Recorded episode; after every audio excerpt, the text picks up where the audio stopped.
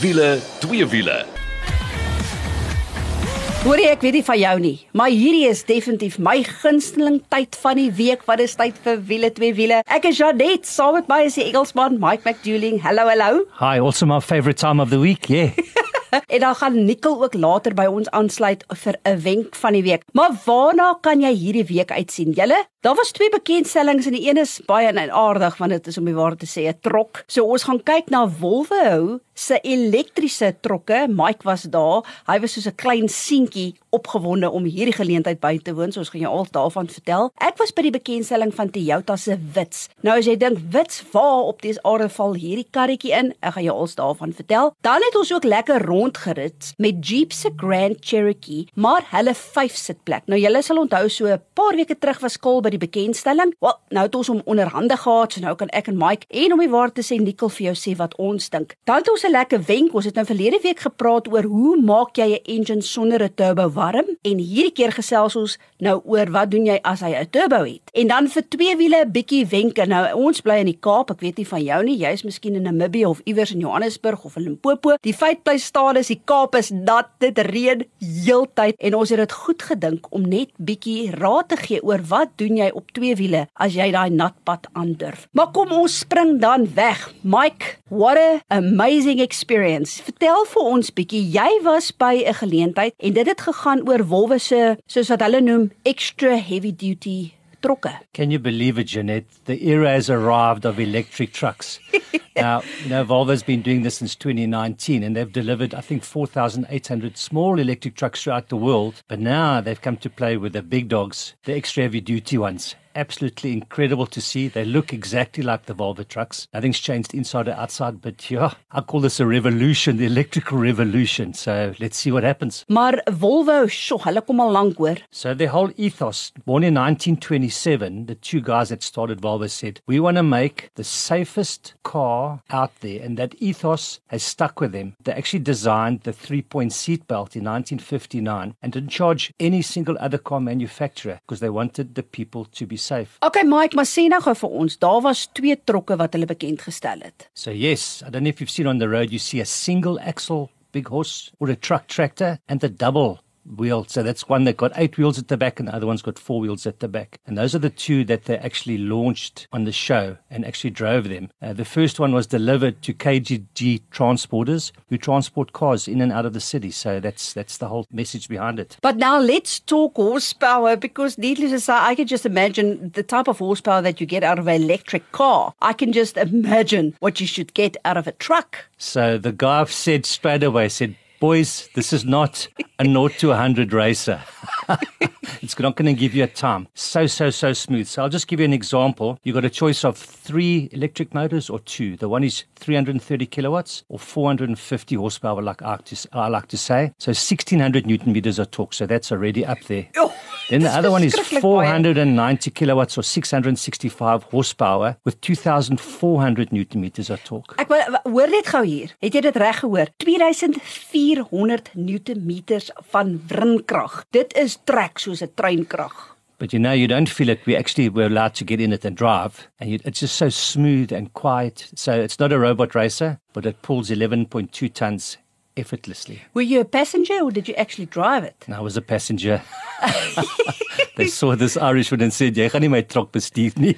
maar nou is die groot vraag vir my, want wanneer dit by elektries kom, wil ons weet ryk afstand. So these trucks are custom designed to the customer's specifications. So with KDG, they're running from the port fetch cars and up and down. So the range is about 200 kilometers so that they can just plan a charging station at either side whenever they need it, yeah. So it's about 200 k's. So wat is dan die doel dan nou eintlik van die elektriese trokke want jy kan nou nie langafstand doen met so 'n trok nie. So the idea is to keep the cities free of all our emissions. So one of these days we're going to see not one car allowed, a ice car allowed in, in, in the city or a truck. So be outside hubs. The trucks will pull in, offloaded onto electric vehicles depending on the load, the depth, the size of the truck and they will do the deliveries inside the town. Hoor jy nou vir die wat nou nie weet nie, jy het nou gesê daar gaan nie ice trokke Waarvoor staan hy? Ek weet, maar net as jy nie weet nie. Internal combustion engine. So our typical diesel and petrol engines won't be allowed into the cities anymore. En dis waar hierdie trok inkom. Maar hoe was dit nou met om te ry, ofwel dit minste 'n passasier te wees? Listen to this.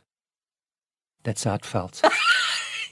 Hulle trok, hè? in a truck. No vibration whatsoever, no noise, just the silence earring, and then every now and a beep when it sees a passenger or something. It makes a, it'll make a noise when it starts up, just to know that the truck is on the road. No vibration, absolute silence, and absolute state of the art inside there. Radios and passenger things. It's just oh. It was like I was like a little boy inside there. Nou as julle hierdie glimlag van Mike hoor oor die liggolwe en julle wonder waaroor gaan hy so aan. Dit is Volvo se elektriese trokke. Hoorie Mike, in afsluiting, vertel vir ons. So I think the electrical era has finally arrived. This is something we're going to see on our roads more and more and more as the, emissions go up. I mean, they they were talking about a truck pushing out a ton of emissions on every kilometer. So yeah, things are going to happen and they're going to happen soon now. Eh? Nou toe, doen jouself 'n guns en gaan loer bietjie op ons Facebook bladsy, dis so maklik soos wiele twee wiele. Dan sien jy Volvo se elektriese trokke daar. Daar's lekker video en foto's wat vir jou gaan pronk. Nou goed, nou oor na ons tweede bekendstelling en dit is 'n klein stadskarretjie en dit is die Toyota se Wits. Nou as jy nou wonder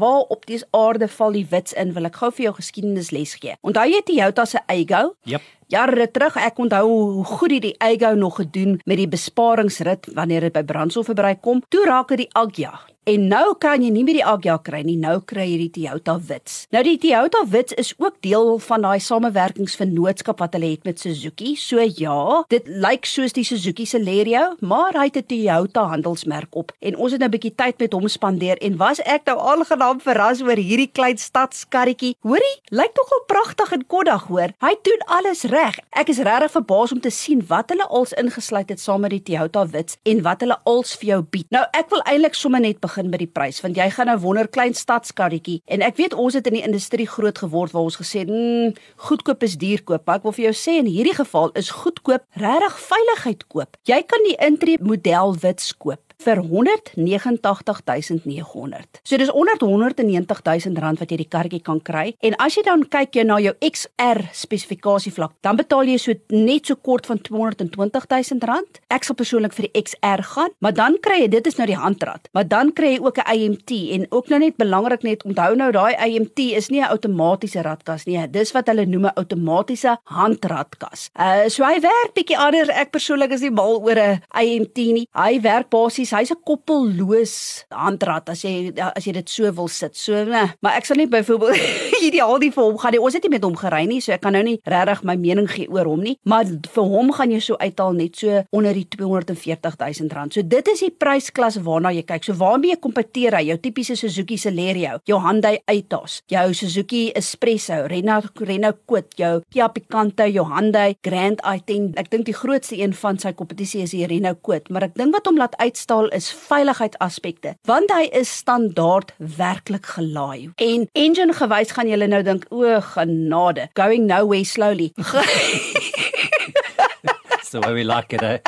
maar weet dit is nie 'n karretjie waarmee jy 'n landspoed rekord gaan opstel nie. Dis nou 'n lesie vir my. Maar hierdie 3 silindertjie van hom, jy kyk na 49 kW wat regtig nie veel is nie. 89 Nm wrinkrag. Maar hierdie 3 silindertjie doen wat hy moet doen. En ek dink vir die mark wat hulle mik is dit absoluut ideaal want dit is nou vir die jong generasie kom net uit die skool uit wil 'n nuwe karretjie aanskaf wat lekker met 'n diensplan kom dis reeds 'n 2 jaar 30000 km diensplan daar's een ding wat vir al uitstaan van hierdie Toyota Wits en dis sy brandstofverbruik. Julle, ons praat van 4.4 liter per 100 km vir die handrat en vir die outomatiese weergawe kan jy selfs 4.2 liter per 100 km kry. Maar nou wil ek vir julle iets anders vertel in 'n naam wat julle maar nou moet onthou en dit is Kinto. Weet jy wat Kinto is? Never heard of it before in my entire life. Absolute fantastiese ding wat Toyota begin het. Dit is 'n gebruiksmobiliteitsoplossing wat Toyota nou vir jou bied. En as jy dink nou, waarvan praat jy? Julle dis amper soos jy huur die kar en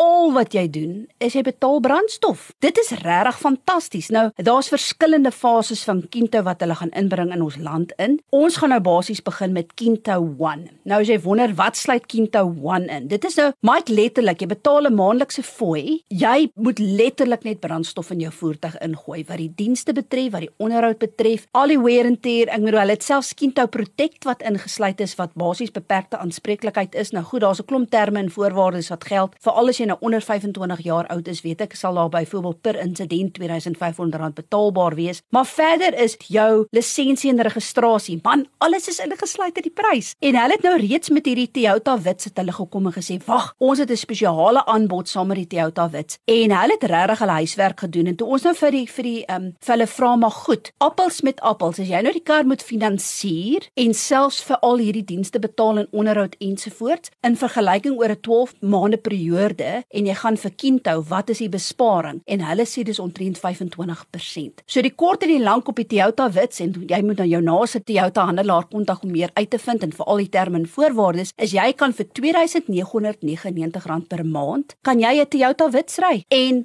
alles is ingesluit. Jy moet net die brandstof ingooi. En Mike, die verder goeie nuus, hulle het hierdie Kinto aanbod op enige Toyota model en selfs 'n Lexus model. Okay, nou nie die Toyota ID6 nie, maar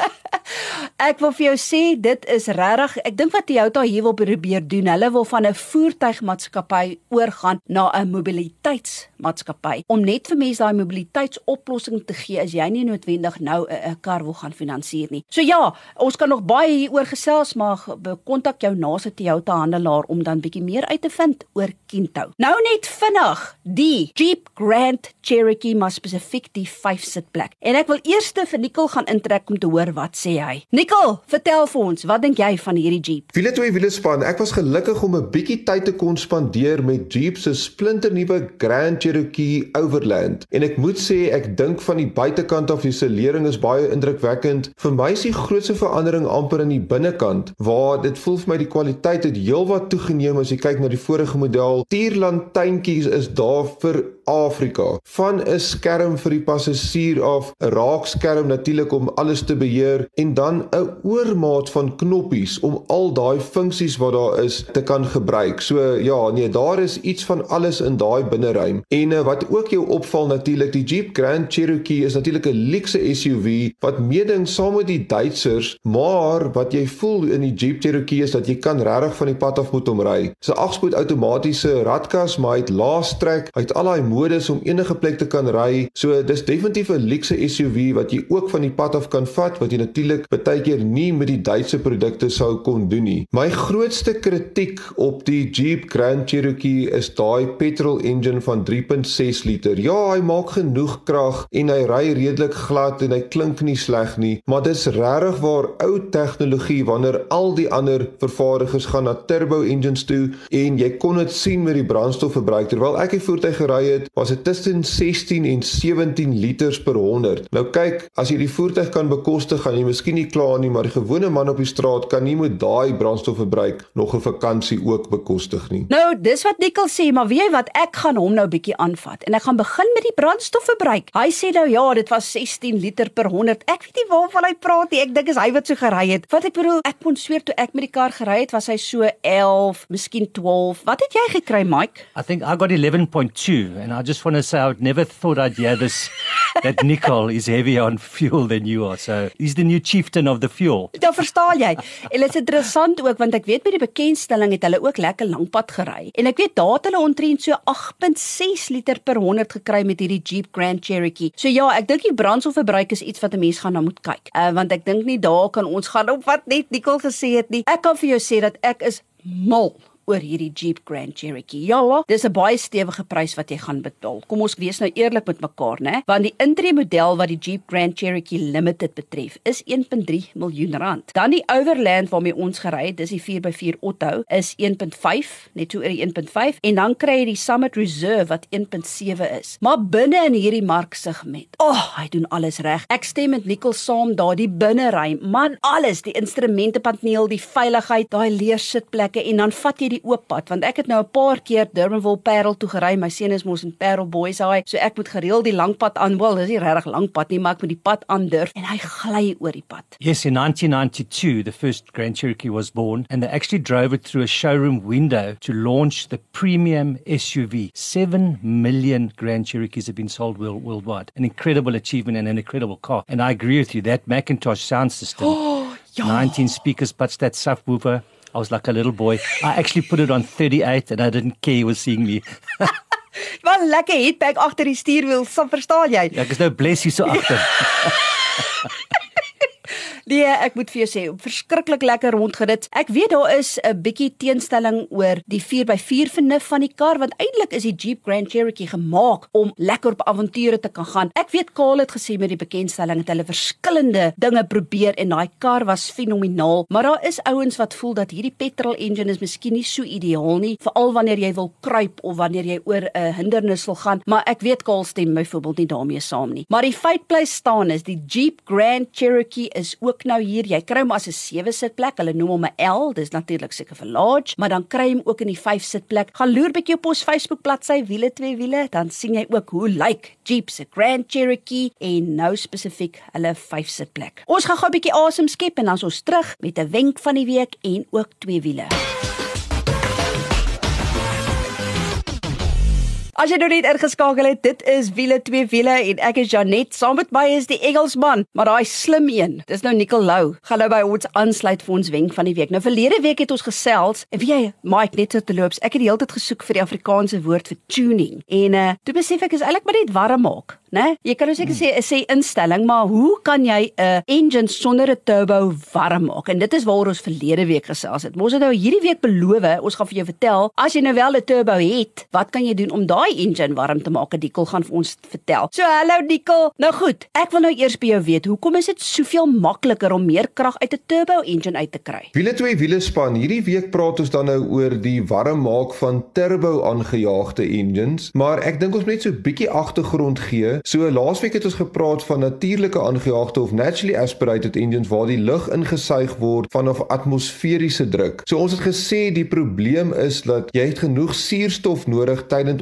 ontbranding veral in 'n petrol engine om dan meer krag te kan uitkry. So ja, as jy meer suurstof of meer lug beskikbaar het vir ontbranding, dan kan jy meer brandstof byvoeg en dan kry jy meer krag uit daai engine uit. So hoekom dan nou nie die lug saampers en inforceer in die engine nie? En dis presies wat 'n turbo doen. Nou, mens kry natuurlik twee tipe pompe. Een noem 'n mens 'n turbo, die ander noem mens 'n supercharger. Die groot verskil tussen die twee is albei pers lug saam en forceer dit natuurlik in die engine in, maar 'n supercharger gebruik krag direk van die engine af. Gewoonlik 'n band wat hom aandryf, so dit vat fisies krag van die engine weg om dan daai lug saam te pers en in te druk en dan nou kan jy meer uh, brandstof byvoeg en dan meer krag uitkry. Waar 'n turbo natuurlik van daai energie in die uitlaatstelsel wat gewoonlik verlore sou gaan gebruik om dan daai uh turbine kant aan te dryf wat natuurlik die kompressor kant van 'n turbo aandryf om dan nou daai lug saam te pers en in die engine in te forceer. So die groot rede hoekom dit makliker is dan nou met 'n turbo aangejaagde engine om meer krag te kry, is dit forceer die lug daarin. Soos jy nou net die turbo of groter maak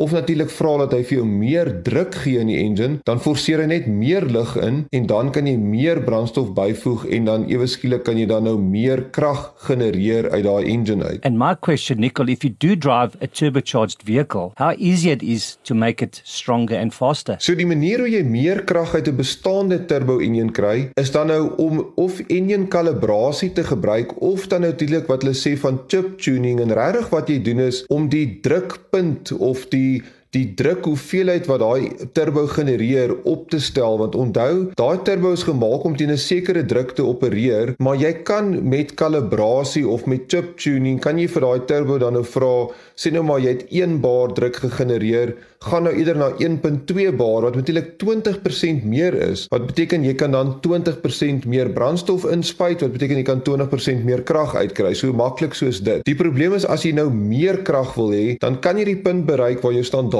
turbo nou nie meer daai hoeveelheid druk van jou kan verskaf nie en dan moet jy natuurlik gaan na 'n groter turbo toe en dit beteken dan nou as 'n groter turbo kan dan meer volume lug teen 'n hoër druk vir jou enjin verskaf en natuurlik kan jou kraglewering soos ek nou verduidelik het omdat jy meer brandstof kan inspuit, kan dan verhoog. Die probleem met 'n groter turbo is omdat hy dan nou groter volumes lug moet inforceer, dit vat 'n groter turbo langer om op te spoel om daai druk te genereer. So ons praat in Engels van turbo lag. So dis natuurlik daai wat in Engels praat van die response. As jy jou voet op die versneller sit, hoe lank vat dit vir daai krag om deur te kom? So hoe groter die turbo, hoe langer vat daai krag om deur te kom en dit kan natuurlik ook nou nie goed wees as jy net die voertuig dag tot dag gebruik nie. Natuurlik vir resies of op die versnelrenne is dit heel goed, maar van dag tot dag gebruik gaan so groot turbo nogals kan dit irriterend wees. Dan natuurlik ook net 'n waarskuwing daar buite. Indien jy 'n groter turbo of selfs 'n standaard turbo met groter druk op jou enjin begin sit, gaan daar natuurlik groter kragte deur die enjin gaan omdat jy meer krag genereer en jou betroubaarheid van die enjin gaan onmiddellik begin afneem. So hou dit net in gedagte. Hoorie Balou, vir die ouens wat nou nie so gelukkig is om 'n turbo aangedrewe engine te hê nie. Ehm um, is dit die moeite werd om 'n turbo op 'n gewone engine te gaan sit en uh ja, om dan meer krag te kry? So die temptasie is daar dat as jy 'n naturally aspirated engine het en sê maar ek gaan nou self sommer 'n turbo op die engine sit, dan kan ek myself baie meer krag hier genereer uit hierdie engine uit. Ek wil net die mense daar buite waarsku om 'n turbo op 'n standaard naturally aspirated engine te sit is 'n verskriklike taak. Daar's heelwat goed in gedagte moet gehou word. Byvoorbeeld dat jou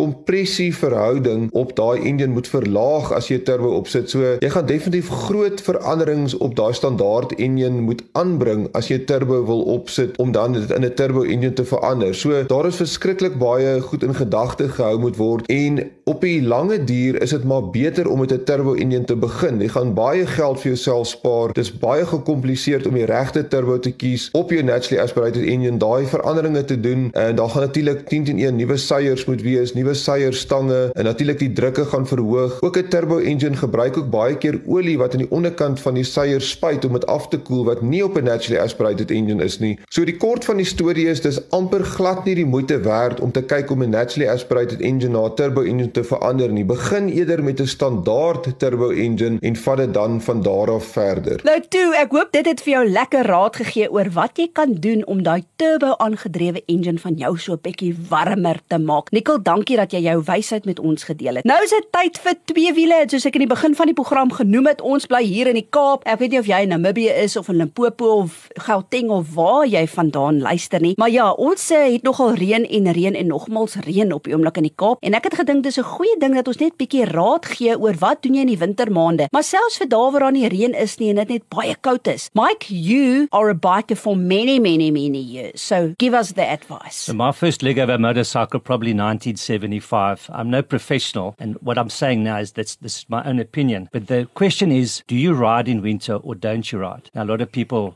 have to ride, but there is certainly a choice. And then you know the people that ride through winter, there's you get cold, you, you need to dress properly. There's so many things that you have to do. So I've just put a few tips together for the people that are interested. Ja, so die eerste een weet ek gaan oor wind want mense besef nie altyd dit dit sê miskien dit is net 15 grade buite, maar uh, the, wind chill factor is a big thing. So they say if, if it's 0 degrees outside and there's wind and you're driving at a particular speed, the wind chill factor adds about 6 degrees less than that. So you get icy cold. So one must just prepare for the days that you are going to use your motorcycle and dress warmly. Dan weet ek natuurlik wat jy dra is uiters belangrik. Ek weet in die dae toe ons nog deel was van CMA se motorfietsklub, het ons altyd seker gemaak dat die wintermaande ons het so 'n nek dingetjie gehad wat ons gedra het. So very importantly that you lose most of your heat out of your neck and especially riding a motorbike at those cold temperatures, you're going to lose your temperature very quickly. So what people do is they put a very slim line like a hoodie underneath their helmet and something that covers their um, neck to keep them warm. Very very important that you stay alert because you're going to get numb, you're going to get cold, your reactions are going to be slower. So it's very important to stay warm and to dress appropriately. En gelukkig deesdae met die